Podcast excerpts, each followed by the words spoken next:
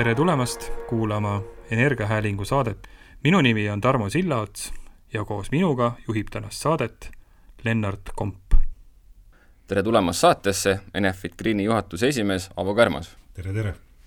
tunnil, mil elektri börsihind küündis nelja tuhande euroni megavati eest, lülitasid mitmed inimesed oma elamise pea kaitsma kas säästmiseks või siis protestiks välja. Aavo,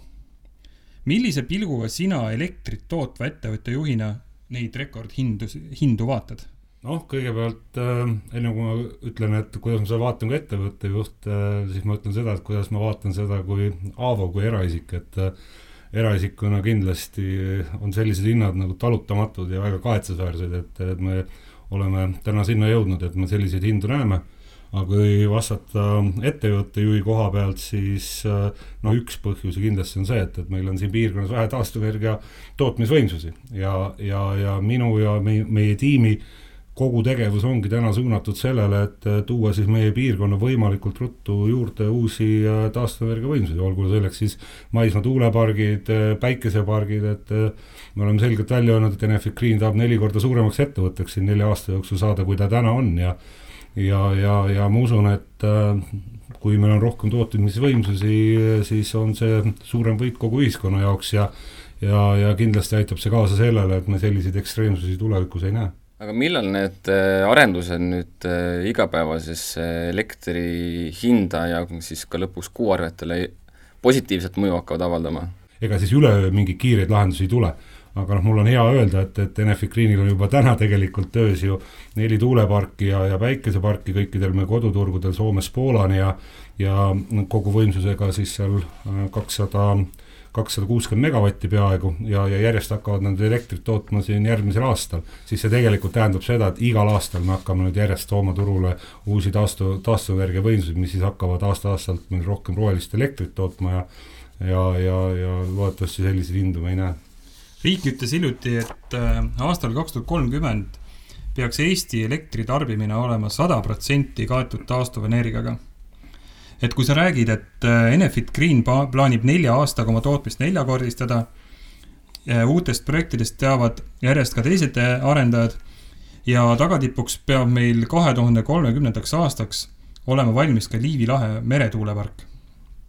ütle, et kas meil ei ole niisugust ohtu, et äh, liiga hoogsalt arendades on meil odavat elektrit korraga liiga palju käes? keeraks selle teistpidi, et äh, liiga vähe arendades, nagu see viimase kümne aasta jooksul on toimunud, on meil liiga vähe taastuvelektrit käes et, et täna peaks olema ikkagi kogu teravik ühiskonnas laiemalt suunatud selle, et võimalikult palju tuua ikkagi taastuvenergia võimsusi turule ja ja see, mis on kirjas ähm, nüüd praeguse valitsuse koalitsioonileppes tõesti, et aastaks kaks tuhat kolmkümmend siis peaks olema kogu tarbimine kaetud taastuvelektriga, siis see tegelikult absoluutselt ei ole utoopiline minu, minu arvates, et et me võiksime isegi teha rohkem, et, et tõesti, sa mainisid siin seda Liivi lahe tuuleparki, aga arenduses on ka ju teisi tuuleparke ka teiste arendajate poolt, nii et mida mina näen, et ja usun optimistina, on tegelikult see, et aastaks kaks tuhat kolmkümmend võiks Eestis, Eestist üldse saada tegelikult äh, taastuvelektrit eksportiv riik. kui, kui ma lugesin kokku kõik tuulegeneraatorid Eestis erinevatest allitest, allikatest ma sain kokku sada nelikümmend viis, mis on tegelikult päris suur number. Et äh, viimase kümne aasta jooksul on neid lisandunud vaid kakskümmend kaks. et kas siin võib olla äh, just see, see koer maetud, et et oskad sa öelda, et mida me oleme teinud ühiskonna näiteks valesti, et äh, suudame taastuvatest allikatest katta vaid väikese osa oma praegustest vajadustest? et ma arvan, võib-olla me jääme natuke loorberitele puhkama, et kui vaatame, et mis olid Eesti taastuvenergia eesmärgid on ju kaks tuhat kakskümmend, siis need täideti juba mälu järgi, ma arvan, et kolm, kolm aastat enne, enne selle saabumist ära. ja peamiselt taastuvenergia eesmärgid saavutati nagu soojamajanduses, mitte niivõrd äh, taastuvelektri koha pealt ja, ja, ja, ja nüüd, nüüd me olemegi seal, et äh, tuleb kiiresti, kiiresti liigutada, et, et mitte korrata seda olukorda, et, et viimase kümne aasta jooksul pole meil ühte, ühtegi suuremat tuuleparki tulnud, et nüüd, nüüd peaks neid ikka kiiresti hakkama rajama aga kas on kuidagi selle taastuvenergia võtmes ka nagu ohtu see, oht selline, et need äh, lähiriigid, kes meiega samal turul osalevad, lähevad kuidagimoodi eest ära ja, ja siis selle arvelt kui meil praegu on hind võib-olla Läti ja Leeduga võrreldes mingitel hetkedel nagu madalam, on siis nagu olukord vastupidi, et et seetõttu, et, et meil see äh, taastuvenergia arendamine on nagu kiratsenud siin vahepeal kümme aastat, et, et, et meie siis pikas plaanis need elektrihinnad kuidagi kõrgemaks jäävad? ma arvan, et täna vaatan piirkonda tervikuna, ärme räägi Eestist isegi, võib-olla ärme räägi siin Baltikumist, noh, vaatame Põhjamaid, Poolat, on ju,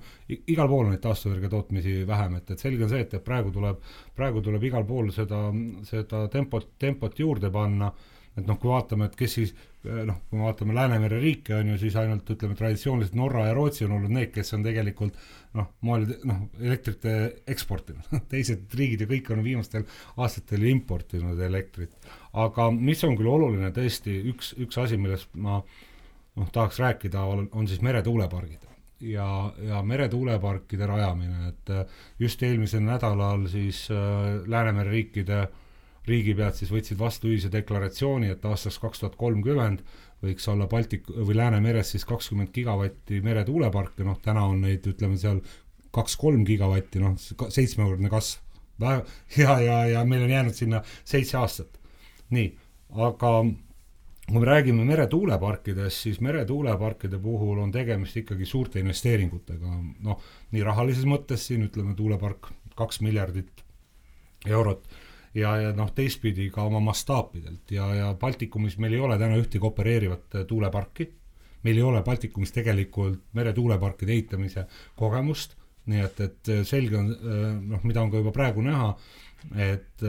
et, et arendajad arendavad meretuuleparke, kohalikud arendajad siis koostöös rahvusvaheliste partneritega, nii nagu Eesti Energia on näiteks sõlminud Örstediga, Örstediga, kes on siis maailma suurim meretuuleparkide äh, arendaja, opereerija koostöölepingu. nii, ja, ja, ja kui me vaatame nüüd seda, et, et äh, mida siis välisinvestor tahab selleks, et äh, siia tulla, tulla investeerida, siis noh, välisinvestor kindlasti ei mõtle seda, et, et oh, et Eesti on üks äge koht, ma tahan Eestisse tulla õudselt meretuuleparke ehitama. ei ole, ta võtab kõik oma kaardi, maailmakaardi ette ja vaatab, et kus tal on võimalik meretuuleparke arendada ja, ja mis on need äh, nii regulatiivsed tingimused ja kui, kui, kui palju siis riigid nagu soosivad ja panustavad sellesse, sellesse arendamisse nii et äh, meretuuleparkide puhul on nagu see hästi oluline, et on olemas selline pikk vaade, mis annab siis välisinvestoritele kindluse, et nende investeering on siia oodatud ja nad saavad selle oma, oma soovitud tootluse ka kätte. ja, ja siin äh, isegi ei ole tegemist minu jaoks nagu äh, sellise tavapärase konkurentsiga, et üks meretuulepargi arendaja konkureerib siin teisega, vaid tegelikult siin riigid ja isegi ma ütleks piirkonnad konkureerivad omavahel. et ma arvan, ka Baltikumi või Balti riigid konkureerivad siin näiteks väga tugevalt Poolaga, on ju, et, et need, kuhu tekib meretuuleparke ja nii edasi, nii et et siin on nagu hästi oluline see, et, et meil on olemas see plaan ja, ja ja, ja tahe anda kindlust välisinvesteeringute juurdemeelitamiseks Eestisse, sellepärast et meretuulepark ühtepidi jah, ta panustab sellesse, et meil on rohkem taastuvat elektrit, ta panustab tegelikult ka meie varustuskindlusesse, aga, aga teisalt ta tegelikult panustab ka majandusse laiemalt, et et ühe meretuulepargi arendamine noh, tähendab täiendavaid investeeringuid, töökohti, ma ei tea, ehituses, majutuses, toitlustuses äh, ja nii edasi, aga ka hilisemas faasis, kui meretuulepark on juba töös, annab see tegelikult pidevat tööd mõn-, mitmesajale inimesele, kes on siis seotud sellega, et seda meretuuleparki pidevalt hooldada ja arendada ja, või tähendab, hooldada en-, ennekõike. räägi see konkurentsi olukord just nagu riikide, mitte ainult siis riikide, nagu sa ütlesid, vaid äh, piirkondade vahel lahti, et et, et mis see siis nagu tähendab, et kui Poola näiteks või, või Rootsi äh, meretuuleparkide arendamisel äh, paneb äh, siin mitu kõrgemat käiku sisse, et kas see siis tähendab seda, et investor vaatab, et ohoo, et, et ma siia Eestisse või, või Lätisse nagu ei tahagi tulla? no mida investor vaatab, on noh, ennekõike noh, need mitu, mitu aspekti, aga noh, ma arvan, et, et laiemalt veel korra on see riik, riik ise, iseenesest ja, ja riigi nagu poliitika teine asi, mis investoritele kindlasti on tähtis, on siis see, et, et teatud garanteeritus nende investeeringule. et tegemist on suurte investeeringutega. ja, ja, ja milline on siis see noh, garantii või, või noh, kindlus, ütleksin pigem, mida riik siis annab või kud- eh,, nendele meretuuleparkide arendajatele, et eh, kindlasti üks variant on siin see, et eh, et oleks siis nõndanimetatud hinna, hinnagarantii või hinna, hinnapõrand, et millest allapoole minnes siis kompenseeritakse elektritootjatele see hinnavahe ja, ja, ja kui elektri hind on kõrgem kui see põrand, siis riik mitte midagi ei kompenseeri. Ja tegelikult noh, summa summarum, ma arvan, ühiskonnale see võit on oluliselt suurem läbi selle täiendava rohelise elektrikoguse, täiendava varustuskindluse, kui see, see väike toetus, mida võib-olla mingil ajahetkel on vaja maksta mm. -hmm. ja siis ma saan aru siis hoolimata sellest kokkuleppest, et meretuuleparke siin piirkonnas tuleb arendada, on siis nagu arenduse mõttes või investeeringute meelitamise mõttes siis iga riik nagu ikkagi enda eest väljas eeskätt, et et kui nüüd see kokkulepe oli, et meil peab siin piirkonnas olema rohkem äh, tuuleelektrit, siis, siis need tingimused, äh, mis selle arendamiseks või investeeringute meelitamiseks nagu luuakse, luuakse siis ikkagi iga riigi nagu enda keskkonnas. mitte, mitte ka päris, et, et äh, noh, tegelikult äh, noh, on hästi oluline meretuuleparkide puhul on ikkagi lõppkokkuvõttes nende ühenduste loomine. et kui, kui kiiresti, mil moel need ühendused välja ehitatakse ja, ja nagu Euroopa Liitki on öelnud, et, et noh, ütleme Euroopa Liidu nagu toetus võimalikul rahastusele ennekõike või noh, prioriteet on siis nõndanimetatud hübriidprojektid, mis siis ühendavad omavahel erinevaid, erinevaid riike, nii et, et ühtepidi on see konkurents, mida ma tahan öelda, teistpidi on see ka koostöö näiteks riikide vahel just nende samade võrkude väljaehitamiseks, et noh, ma ei tea, riik, kui ehitatakse meretuulepark, siis võiks seal olla ka ühendus siis riiki üks ja riiki kaks ja, ja kui elekter, elektrit toodetakse, elekter läheb sinna, kus on nagu kallim, kallim hind tol, tol hetkel, et et, et see, see on see tulevik. ma arvan jah, pigem ikka see, mida ma ütlesin, et, et mis on nagu riikide enda ambitsioon ja, ja selline äh, nagu kokkulepe, et tegelikult ega taastuvenergia nagu arendamine on noh, ühiskondlik, ma nimetaks ühiskondlikuks kokkuleppeks, et see ei ole ainult arendajate huvi, see ei ole riigi huvi, vaid me peame kõik nagu üheskoos sellest aru saama, et, et meil ei ole täna ega lähiaastatel paremaid alternatiive selleks, et selliseid tõesti ebanormaalseid olukordi, nagu kus me täna elame, just kui ma räägin elektri hinnast, on ju, et, et kuidas, kuidas seda lahendada, kui see, et, et kiiresti ja rohkem taastuvelektrit turule tuua aga teine takistus tundub just nagu sellisel nagu ühiskondlikul või inimlikul tasandil, et eh, nagu suhtumises. et inimesed ju küll ütlevad, et elekter võiks olla roheliselt toodetud ja isegi võib-olla mak-, valmis maksma selle rohelise elektri eest kodus nagu rohkem, aga hoidku jumal nagu selle eest, et see tuulik kuhugi minu silmade alla ehitatakse, et et sa oled ise nagu ka päris palju aega panustanud sellele, et, et inimestega käia kohtumas, nendega suhelda, saada aru, et, et mis nende mured on, et, et, et kuidas see nagu suhtumine muutunud on ja, ja mis siis inimestele võib-olla kõige rohkem sellist äh, muret valmistab nende tuulikute osas? et siin on hästi tähtis see, et äh, leida, leida neid kompromisse kohalike kogukondade elanikega on, on tõesti äär, äärmiselt oluline, et et ega lõppkokkuvõttes me ju anname aru, et, et, et noh, ühel tuulepargil, kui teda on kuskilt, kuskilt teda ikka näha on, on ju, et, et ühe, ühele inimesele see meeldib, teise, teisele see ei meeldi aga kui me vaatame noh, viimaseid uuringuid, et, et näiteks eelmise aasta lõpus Majandus-Kommunikatsiooniministeerium tegi uuringu just, et tuulepargi meelsuse osas, siis mis sealt oli väga hästi näha, oli see, et, et üle ligi kaheksakümmend protsenti inimestest toetas meretuuleparkide rajamist, veidi üle seitsmekümne protsendi maismaa tuuleparkide rajamist ja tegelikult täpselt sedasama kinnitas ka meie enda poolt koos Emor, Emoriga selle aasta kevadel läbi viidud uuring et, et inimesed, inimesed nagu selle numbrite mõttes ei ole mitte midagi tuuleparkide vastu, isegi üle poolte elanikest on nõus, et, et need tuulepargid noh, tulevad äh, nende elamisele lähemale. aga noh, fakt on see, et mida mina olen näinud ja, ja praegu ka siin kolleegid ju noh, igapäevaselt kohtuvad erinevate omavalitsuste ja kogukondadega, on see, et, et inimestel on kohe alguses, kohe täiesti projekti alguses väga palju küsimusi, sellepärast et noh, see on ju midagi, midagi uut, mida nad varasemalt ei ole kogenud ja siin on hästi tähtis äh, kõigepealt kuulata neid küsimusi ja teiseks anda ka vastuseid, et äh, see on ju paratamatu, et äh, kui on inimestel on nagu teadmatus, siis teadmatus tekitab hirmu ja hirm tekitab vastupanu. nii et, et mida me oleme õppinud, on see, et, et tegelikult iga arendusprojekti puhul, nagu me armastame öelda, et on tegemist kommunikatsiooniprojektiga, mitte niivõrd tehnoloogiaprojektiga, ehk siis kus siis tuleb pidevalt rääkida, selgitada, kaasata kaasata kogukondi ja kohalikke omavalitsusi, juba on plaanid tegemisse, et need asjad, asjad juhtuksid. Ja mul on tõesti hea meel näha, et, et lõpuks sai ka siis äh, siin selle aasta suvel vastu võetud ka siis äh, nõndanimetatud kohaliku kasu mudel, mis siis omakorda peaks juba kohe alguses andma selguse selles suhtes, et mis kasu saavad siis kohalikud omavalitsused, kogukonnad, kui nende piirkonda peaks tuulepark tulema, et see on ka kindlasti äärmiselt oluline, et kogemustel tuginedes siis see on paratamatult üks esimesi küsimusi alati, mida küsitakse, et mis on see kasu, mida meie saame. aga kuidas see koh-, kohaliku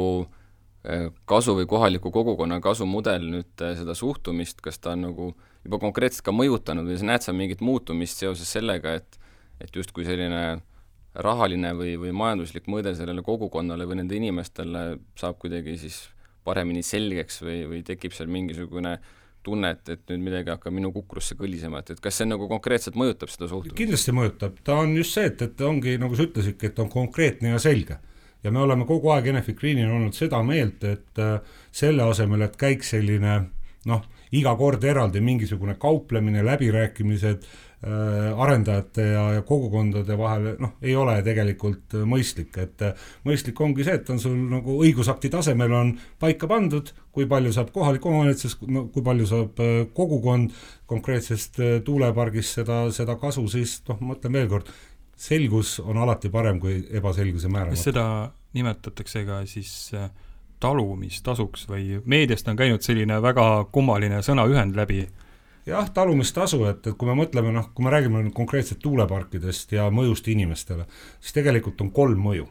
laias laastus. esimene on siis see nõndanimetatud visuaalne mõju, et nagu ma ütlesin, tuulikut kuskilt ikkagi näha on. nii on. nii, teine, teine mõju on siis äh, äh, siis varjutus, ehk siis noh,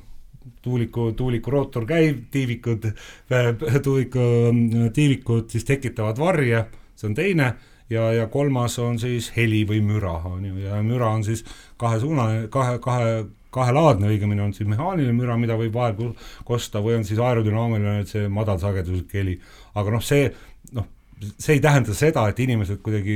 just eriti neid kahte viimast äh, mõju otseselt taluvad, sellepärast et äh, tegelikult tuulikuid ei pandagi elamutel nii lähedale, et, et hakkaksid akna tagant varjud läbi käima või, või heli oleks kuulda, eriti veel kaasaegse tuulikutega, nii et äh, isegi meie seadustes ei ole ette nähtud seda, et et, et kui kaugel peab olema tuulik lähimast elamust, vaid on toodud välja just seesama helitugevuse nagu nõue on ju, mis on mitte rohkem kui nelikümmend detsibelli, noh, ma ei tea, võrdluseks tuua mingi üks külmkapp on ju, nii et tegelikult äh, need tuulikud äh, noh, kui ma mõtlen, mis, mida, mis meilgi praegu arenduses on, on kindlasti kaugemal lähimatest elamutest kui üks kilomeeter, võib-olla see poolteist kilomeetrit ja edasi. et see võibki tunduda, et äh, nad on lähemal seetõttu äh, visuaalselt lähemal, kuna nad on lihtsalt juba nii äh, mõõdult nii suured, et äh, nad võib-olla see on see nii-öelda ekslik visuaalne see sõltub jälle, jälle konkreetsest äh, noh, konkreetsest asukohast, on ju, kui sul on ümberringi on hästi palju lagedat põllumaad, seda kaugemalt sa seda tuulikut näed, kui on metsa, seda vähem sa näed, et mida me oleme näiteks ka teinud oma, kui me oleme siin uusi arendusi planeerimas, siis esimene asi, me pakume alati kohalikele elanikel kes selles piirkonnas elavad, et tulge, me viime teid oma, oma tuuleparki ja, ja, ja olemegi seda teinud, inimestel on suur huvi olnud ja, ja, ja siis näidanud seda, et, peatanud, ma ei tea, bussi kinni kahe kilomeetri kaugusel ja öelnud, noh, kas te siit tuulikuid näete? ei näe, sõidame veel edasi poolteist kilomeetrit ja nii edasi, kuni sinnamaale välja, et me oleme inimesi viinudki kohe sinna tuuliku alla nad saavad reaalselt katsuda näha, kas on suur vibratsioon, kas on suur heli, kas on mingi mootori müra kuulda ja nii edasi, et ka see on tegelikult osa sellest, mis ma enne, ennem siin ütlesin, et neid hirme ja teadmatust nagu vähendada ja see, see kindlasti aitab sellele kaasa. Mhm. no sa mainisid siin äh, seda heli ja vibratsiooni ja müra, et, et kas see ka kuidagi niimoodi teaduslikult tõestatud on, et, et sellel mingisugune mõju mingisugult, mingisuguselt distantselt inimestele on või on see kuulub pigem selline nagu müütide valda? viimane uuring, mis meil näpu vahele jäi, oli eelmise aasta suvel Soomes tehtud uuring, kus siis tegelikult võrreldigi siis tuuleparkide mõju inimeste tervisele ja konkreetselt võrreldigi siis inimeste tervist äh, äh, piirkondades, kus olid tuulepargid ja piirkonnades, kus neid ei olnud ja, ja, ja, ja mingisugust anomaaliat või kõrvalekallet terviseandmetes nendel inimestel, kes tuuleparkide noh, piirkonnas elasid, ei olnud, nii et et äh, veel kord, et tegelikult ju iga pargi rajamisele eelnevad väga põhjalikud uuringud ja analüüsid, et äh, ei panda ühtegi tuulikut äh, ütleme siis niimoodi kuskil kellegi, kellegi lähedale, et, et ta omaks mingit mõju nii inimestele kui ka ütleme loodusele, nii et, et see on jah, osa, osa kogu sellest planeerimistegevusest. et välja selgitada mõjud, kõigepealt punkt üks, ja siis välja pakkuda ka siis leevendusmeetmed näiteks Aavo, sa esinesid Paldiskis äh, hiljuti ühel konverentsil, et kus sa rääkisid ühest huvitavast lahendusest, mis tegelikult Eestis on äh, täiesti unikaalne, kus siis on kokku pandud päikese ja tuule tootmine. et räägi pisut sellest, et, et miks selline lahendus ja miks see hea on? jah, et nõndanimetatud hübriid, hübriidlahendus, et äh, mida see endast kujutab? Siis tegelikult kujutab see endast seda, et ühe ja sama liitumispunkti taha siis ühendatakse nii tuulepark kui ka päikesepark, mis siis kasutavad sama liitumis, liitumisvõimsust. ja, ja, ja miks see on äh, mis ma ütlen siis unikaalne või hea, on siis sellepärast, et äh, kui me vaatame tuulepargi või päikesepargi tootmiskõverat, et millal nad siis toodavad, siis me näeme seda, et, et tuulepark toodab kõige rohkem elektrit äh, talvel äh, ja, ja sügisel ja päikesepark toodab äh, kevadel ja suvel nii et nad tegelikult üksteist ei sega, neid tunde, millal peaks ühte või teist elektrijaama siis nagu alla koormama, et seda võimsust mitte ületada, noh, neid on, neid on üksikuid terve, terve aasta jooksul. ehk siis see kasu, mis sealt lõpuks välja tuleb, on mitme, mitmekülgne. punkt üks loomulikult on äh, siis äh, võrguressursi mõistlik kasutamine, me juba täna näeme tegelikult Eestis seda, et äh, meil üheks takistuseks on see, et meil ei ole piisavalt vabu liitumisvõimsusi Eestis, ehk siis vähem ka investeeringuid liitumiste väljaehitamisse. punkt kaks on siis mõju, mõju ka keskkonnale, kuna, kuna reeglina ehitatakse neid hübriidlahendusi ühes samas piirkonnas, ehk siis sul ei ole vaja rohkem teid ehitada või eraldi teid selle jaoks, puid rohkem maha võtta ja nii edasi. kolmas aspekt kindlasti on seesama visuaalne äh, Äh, häire, millest me korra siin ennem rääkisime, et reeglina ju me ka tuulepargid ehitame kohtadesse, kus nende mõju on võimalikult väike, kui see on ka päikesepark, siis noh, seda, ehk seda on vähem näha, ehk siis kui sa teeksid selle päikesepargi kuskil mujal, võib-olla teda on seal rohkem näha, ja, ja noh, neljas kindlasti ka arendajale, ehk siis meile on siis see investeeringukulu või efektiivne investeeringukulu, et et me peame ühe, ühe megavati jaoks vähem investeerima, mis siis lõppkokkuvõttes äh, tarbijani peaks tulevikus jõudma ka võib-olla soodsama elektri hinna näol. nii et, et ta on nagu palju, palju laiakülgsem ja, ja sellega me kindlasti jätkame nii uute tuuleparkide puhul, mida me arendame, et juba sinna juurde päikeseparke teha, kui ka me töötame praegu juba erinevates riikides olemasolevate tuuleparkidega, et, et sinna juurde juba ka päikeseparke ehitada, nii et, et väga, väga niisugune hea, hea lahendus igas mõttes. vesinik et äh, räägitakse sellest kui, äh, kui suurest äh, päästvast tehnoloogiast, aga kuidas sina näed vesinikutehnoloogia arengut näiteks järgmise kümne aasta jooksul, et kas temast saab nagu piisavalt äh, arvestatav tehnoloogia kas või salvestamisel või siis kütusena näiteks? täna paraku on see, et Eestis see vesiniku olukord on selline, et see on niisugune nokk kinni, saba lahti olukord, et, et, et öeldakse, et, et ei tarbi sellepärast, et ei ole tootmist ja tootmine ütleb, et ei tooda sellepärast, et ei ole tarbimist, et ma arvan, see olukord kindlasti laheneb siin ära ja noh, Enefit Greenina ka me kindlasti siin noh, ütleme lähiajal tahaks ka proovida ju alustada juba vesiniku tootmisega mõne oma mõne oma elektrijaama juures lihtsalt, et olla juba siis tulevikuks valmis. Ja ka kui räägitakse meretuuleparkidest, siis noh, selline suuremahuline vesiniku tootmine kindlasti on üks väga selline tõsiseltvõetav ja noh, alternatiiv, et kui juba meretuuleparke planeerida, võiks sinna juurde arvestada ka siis selle vesiniku tootmisega, aga noh, veel kord lühidalt, et kindlasti tal on oma koht tulevikuenergia miksis olemas. Lähme korraks tuule juurde tagasi, et äh, inimesed, kes on Saaremaal käinud neid on päris palju kahekümne aasta jooksul, on kohtunud Virtsu tuulepargiga, mis saab sel aastal kakskümmend aastat vanaks. et kuidas läheb Virtsu tuulepargil? jaa, need on ju, ma arvan, et need on needsamad armsad tuulikud, mida vist enamik eestlasi on näinud tegelikult, kui rääkida, rääkida üldse tuule, tuuleparkidest, et et kui inimesed on Saaremaale läinud, et jah, tõsi ta on, et esimesed tuulikud saavad seal juba kahekümne aasta vanuseks tegemist on väga töökindlate tuulikutega, et äh, kui tavaliselt ongi nagu ütleme, investeeringut tehes äh, noh, tollal arvestatigi tuuliku elueaks kakskümmend aastat, siis äh, see kindlasti meie puhul ei tähenda seda, et, et me nüüd võtame need tuulikud maha, vastupidi, me tegelikult tegeleme praegu sellega, et, et pikendada nende tuulikute tehnilist eluiga vähemalt viie aasta võrra kui mitte kümne aasta võrra, see nõuab äh, noh, oma teatud tegev, tegevusi selleks, et, et, et, et seda oleks võimalik teha, seal on täiendavad sertifitseerimised ja kõik, kõik muu selline, et, et ikkagi lõppkokkuvõttes tagada, tagada see, et, et seda tuulikut on võimalik ka noh, hooldada, et sinna tippu on ikka ohutu, ohutu minna, et ta seal maha ei kuku ja, ja nii edasi. nii et et need armsad tuulikud jäävad meid saatma veel. aga ikkagi,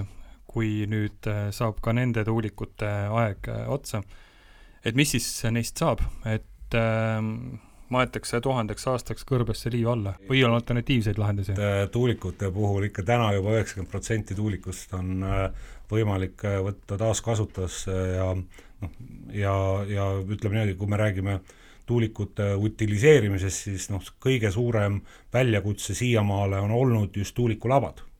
et, et kui noh, valdavalt ikkagi enamik tuulikut on metall ja et noh, seda on nagu lihtne, lihtne nagu utiliseerida või taaskasutusse võtta, siis labad on olnud probleemiks. ja miks on olnud probleemiks, on seda, et sellepärast, et, et labade valmistamisel kasutatakse väga palju epoksiidvaikusid, mis isegi moodust-, mis siis seob erinevaid komponente, millest laba, laba on valmistatud ja nüüd sellesama vaigu ümbertöötlemine on olnud väga, väga keeruline, aga, aga siin on juba uusi tehnoloogiaid olemas, ka isegi Eesti Energia kontsern, ma tean, et, et on, on testimas sellist lahendust, et neid vaike kasutada siis, ümber töödelda ja kasutada siis äh, tulevikus siis äh, keemiatööstuse lähteainena, lisaks äh, just lugesin hiljuti, et, et oli vist Vestas ja vist oli Siemens, kui ma kui ma õieti, õieti mäletan, et koos arendavad praegu sellist tehnoloogiat, et neid vaiku, vaikusid on võimalik tulevikus ka spetsiaalsete noh, äädikataoliste lahustitega nagu, nagu lahti, lahti sulatada. Ja Vestas veel ütles välja selle, et, et kolmekümne, kaks tuhat kolmkümmend nemad töötavad välja tuulikulavad, mida on võimalik siis taaskasutada aga juba praegu on näha ka võimalusi, noh näiteks kus kasutatakse tuulikulabasid, on tsemenditööstus et purustatakse, purustatakse need labad ära, kasutatakse pürolüüsi protsessis ja, ja Prantsusmaal vist oli, oli näiteid, kus juba kasutatakse ka purustatud labasid siis äh, tee aluskatte materjalina, nii et, et neid, neid võimalusi üha, üha rohkem juurde tuleb. no kui vaadata neid vanemaid äh, tuuleparke ja võrrelda neid võib-olla sellise pildi peal selliste uuemate ja suurematega, et noh, siis need vanemad tunduvad sellised väiksed ja armsad ja nagu nunnud isegi. et kui nüüd mõelda sellises nii, nii keskkonna seisukohast kui ka siis selle äh, ärilises mõttes, äh, siis äh, kas targem on ehitada väiksemaid tuulikuid ja rohkem või siis suuremaid ja võimsamaid tuulikuid ja vähem? Pigem, pigem ikka see viimane, et, et, et ega lõppkokkuvõttes noh, ütleme siis niimoodi, et mida, mida, mida, mida võimsam on see tuulik, on ju, noh, seda, seda väiksem tegelikult on ka siis selle noh, investeeritud kapitali kulu ühe võimsusühiku kohta, et kui me täna noh, vaatame kõige võimsamad tuulikud, mis meil on, ütleme Eestis, noh, ongi Eestis, on siis kolme, kolme megavatised siis just eile käisime nurgakivi panemas Leedus, kuhu meil tulevad siis kõige kaasaegsemad tuulikud ja seal võimsamad tuulikud on viis koma viis megavatti. aga see ei tähenda nüüd seda, et investeering on siis kaks korda, ligi kaks korda suurem, vastupidi, et kui me vaatame tehnoloogia nagu arengut, ütleme okei okay,, enne, me peaks nüüd vaatama siis enne seda Ukraina sõda, aga äh, viimase kümne aastaga tuule äh, maismaa tuuletehnoloogia omahind äh, on kukkunud üle kahe korra või pea, pea kaks korda nii et, et noh, lõppkokkuvõttes hästi lihtne on ju aru saada, kui sa ehitad näiteks ka liitumise välja, et, et või, või kui sa ehitad tuulepargi teid või sa teed seal vundamente, siis noh, teatud, teatud, teatud kulud ei, ei lähe samas proportsioonis tuuliku võimsusega ülesse. Et selleks, et need Green'i suured plaanid nüüd teoks teha, on ju vaja ka neid inimesi, kes need plaanid teostavad, asjad ette valmistavad ja, ja, ja võib-olla ka siis noh, ehitusettevõtete poolt need asjad siis nagu valmis teevad et, et kui nüüd konkreetselt äh, Enefit Greenist rääkida, siis äh, töötajaid on teil praegu umbes sadakond. plaanid on ettevõttena kasvada neli korda. et kust need inimesed tulevad, kes selle töö ära teevad? tõesti, täna on meil äh, kõikides riikides kokku sada kaheksakümmend töötajat, me tegelikult näeme, et aastaks kaks tuhat kakskümmend kuus võiks meie töötajate arv olla seal kuskil kakssada kakskümmend, kakssada kolmkümmend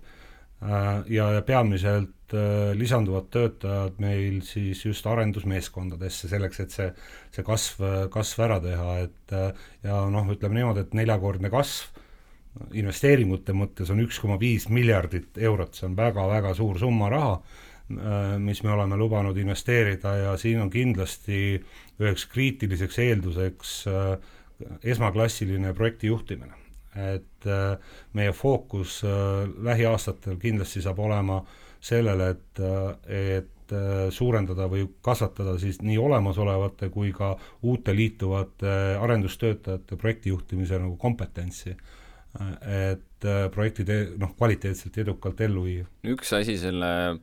tuulepargi arenduse juures on see tehnoloogiline pool ja selle mõistmine, teine, nagu sa just ütlesid, on projekti juhtimine ja ja, ja see vastutustunne ja, ja, ja arusaamine, see, kuidas nagu nii suurt projekti juhtida, et, et millised need äh, oskused on ja, ja kuidas või kustkohast üldse nagu selliste oskustega inimesed tulevad ja kuidas neid oskusi nagu arendada, et noh, näiteks kui mõni kuulaja mõtleb, et et ta tahaks ka osaleda tuulepargi arenduses kunagi, et, et mida selleks nagu tegema peab ja, ja kust te need inimesed leiate? Et äh, meil on äh, põhimõtteliselt erineva taseme projektijuhte, et erinevate siis ütleme, nõutavate kompetentsidega, mida me siis pidevalt arendame, katsume hoida, ja, ja eks me neid projektijuhte leiame nii maja seest kui ka, kui ka siis majast väljast, nii ülikooli lõpetajaid kui teistest ettevõtetest äh, tulijaid ja, ja, ja, ja ütleme niimoodi, et me tegelikult siis noh, pidevalt vaatame, et, et kuhu üks või teine inimene sobiks, lisaks ka see, et äh, nagu ma ütlesin, meil on täna meeskonnad Eestis, Lätis, Leedus ja Poolas, kindlasti äh, mida me oleme Enefit Greenis äh, kokku leppinud, on see, et me noh, katsume neid riigipiire maha tõmmata nii palju kui võimalik. selles mõttes, et kasutada parimaid inimesi, parimaid oskusi, teadmisi üle kõikide riikide erinevates arendusprojektides. et, et kui meil on noh, näitena on ju, et kui meil on Leedus tuulepargi arendusprojekt, siis me saame kasutada inimesi ka, ka Eestist või Lätist ja, ja vastupidi, nendest projektimeeskondadest. Äripäev valis sind hiljuti aasta juhi finalistide hulka. räägi mulle palun, et millised on sinu põhimõtted inimeste juhtimises? esimene asi on see, et noh, juht peab olema ettevõttes sellise nagu organisatsiooni kultuuri nagu looja mis asi on organisatsiooni kultuur, et, et sellest äh, võib-olla saadakse ka vahel erinevalt aru, aga mina olen selle enda jaoks lahti mõtestanud niimoodi, et, et need on need, need on need väärtused, need on need põhimõtted, see on see käitumine, äh, millest me igapäevaselt lähtume. Ja ja, ja nii eraelus kui ka siis, kui ka siis töö juures ja mis on need väärtused minu jaoks, on, on ennekõike ausus, on, on ähm, ausus ja ka siis ütleme, selline avatus et need käivad, käivad käsikäes ja, ja, ja juhi teine hästi oluline roll minu jaoks on kuulamine. mitte kuulmine, vaid kuulamine et juht peab olema võimeline alati oma tundlad välja ajama, kui ta käib, käib organisatsioonis, ta peab äh, aru saama sellest, kuidas organisatsioon hingab, kuidas ta käitub, kas me käitume nende samade põhimõtete järgi, millest ma, millest ma just rääkisin äh, või me, või, või me ei rääkinud ja, ja kolmas asi on loomulikult seesama eesmärgid, et, et inimesed tegelikult peavad teadma, mis on meie eesmärgid. kõlab hästi triviaalselt, on ju, kõlab hästi, kes, kes ei tahaks teada, on ju, aga just see, et, et kas inimesed saavad nendest eesmärkidest aru ja usuvad nendesse, see, millest ma just rääkisin, see on nagu, see on nagu oluline. Kui see on nagu paigas, siis järgmine ja eesmärgid on paigas, väärtused on paigas, siis on see, et kuidas neid ellu viia. ja minu stiil on selline, et mina ei ütle, ma ei tahagi ausalt öelda, siin kõlab see mina nii palju, et et ei ütle, et kuidas, kuidas ja et seda küll, et kuidas seda ellu viia, et, et Enefit Greenis ikkagi töötavad oma ala tippspetsialistid. noh, tõesti oma, oma ala tipud, andekad inimesed. ja, ja, ja, ja mis see andekaid inimesi motiveerib? noh, minu arvates kannustab andekaid inimesi edu, edu nautimine. projektid, nagu Lennart ütles, on, on pikaajalised, on, on mahukad võtavad, võtavad, võtavad palju aega, arendusprojektid, noh, sa võid plaane teha, aga, aga noh, elu muutub kogu aeg su ümber. see, mis sa täna plaanid, et homme juhtub, ei pruugi nii olla. aga üks moment, kui need projektid on edukad ja inimesed äh, näevad, et nad on suutnud midagi ära teha, siis juht ei saa nende käest ära võtta ja ei tohi nende käest ära võtta seda edu nautimise võimalust. inimesed peavad ise seda nautima ja noh, see hästi kokkuvõttes ongi võib-olla lühidalt see, millest ma oma, oma igapäevatöös juhi, juhina, juhina lähtun. et me tähistame edu äh, ja vahest on ka edule vastand, vastanduvad ka sellised äh, mitte võib-olla nii edukad hetked, et et äh, oskad sa välja tuua seda, et milline on sinu enda tööelus olnud see kõige parem päev ja võib-olla see, et mida sa meenutad ühe kõige raskema päevana? Aga ma saan rääkida jälle oma põhimõttest, eh, mida, millest mina lähtun ja, ja olen oma meeskonna liikmetele öelnud, on see, et eh, kui sul täna tekib teele suur probleem, raske probleem, noh, esialgu võib see tunduda noh, ületamatu. noh, tõesti, see on, see on väga-väga-väga suur probleem, siis kindlasti ei tohi lohutada ennast sellega, et, et ah, küll probleemid lahenevad iseenesest. ei, nad ei lahe, lahene iseenesest. Probleemidega tuleb hakata tegelema, tuleb hakata otsima lahendusi, ükskõik kui, kui keeruline see tol hetkel just äh, tundub. ja usku mind, lahendused hakkavad paistma ja probleemid saavad lahendatud. ja homme on palju suuremad probleemid, palju hullemad probleemid ja see, mis täna oli, tundub tegelikult äh, palju väiksem ja me naerame tegelikult selle üle, nagu mina, mina praegu siin nagu rõõmsameelselt sellest räägin ja neid näiteid on mul küll ja küll. Ja, ja, ja kui sa räägid, äh, mis mind, äh, mis on nagu positiivne, noh, mulle meeldib koos tiimiga asju juhtuma, ma tahan teha suuri asju. ja kui suured asjad õnnestuvad, noh, siis selle üle on mul alati, alati nagu hea meel, et et mitte ainult selle üle, et nad on õnnestunud, vaid ka iga suur asi on kindlasti teinud mind ja meeskonda targemaks, me oleme sellest õppinud, et, et tulevikus noh, et see kõik, mida me oleme õppinud, tulevikus kaasa võtta, nii et, et ma vastaks võib-olla selle küsimuse selliselt. see ongi võib-olla väga hea koht, kus praegune intervjuu lõpetada, aga enne seda, kui me siis saate lõpetame, siis Aavo, et millised oleksid need teadmised, mida sa soovid, et iga inimene taastuvenergia kohta teaks? noh, kõigepealt see, et äh, esiteks meil on, meil ei ole paremat alternatiivi lähiajal, kui me tahame paremini elada. ja paremini elada ma ei räägi siin ainult sellest, et, äh, et elektri hind on madalam, mis on ka oluline, aga et meil oleks pikas perspektiivis parem elukeskkond. teiseks kindlasti see, et, et äh, needsamad elektrijaamad, noh, paratamatult nad tulevad meil lähemale ja, ja me peame sellega harjuma, et, et äh, elektrit toodetakse no, hajusamalt, kui, kui, kui seda siiamaani on tehtud. Ja, ja, ja kolmandaks ma tõesti siiralt loodan, et äh, seda noh, kuidas ma ütlen siis, tugevat vastasseisu, valjuhäälset vastasseisu, põhjendamata vastasseisu, ükskõik kuidas me seda nimetame, et, et, et seda tulevikus oleks vähem või vähemalt see oleks konstruktiivne. aga suur aitäh sulle, Aavo, ja soovime sulle traditsiooniliselt siis äh, võib-olla mitte tuult tiibadesse, vaid äh, tuult tiivikutesse. tuult tiivikutesse ja päikest meile kõigile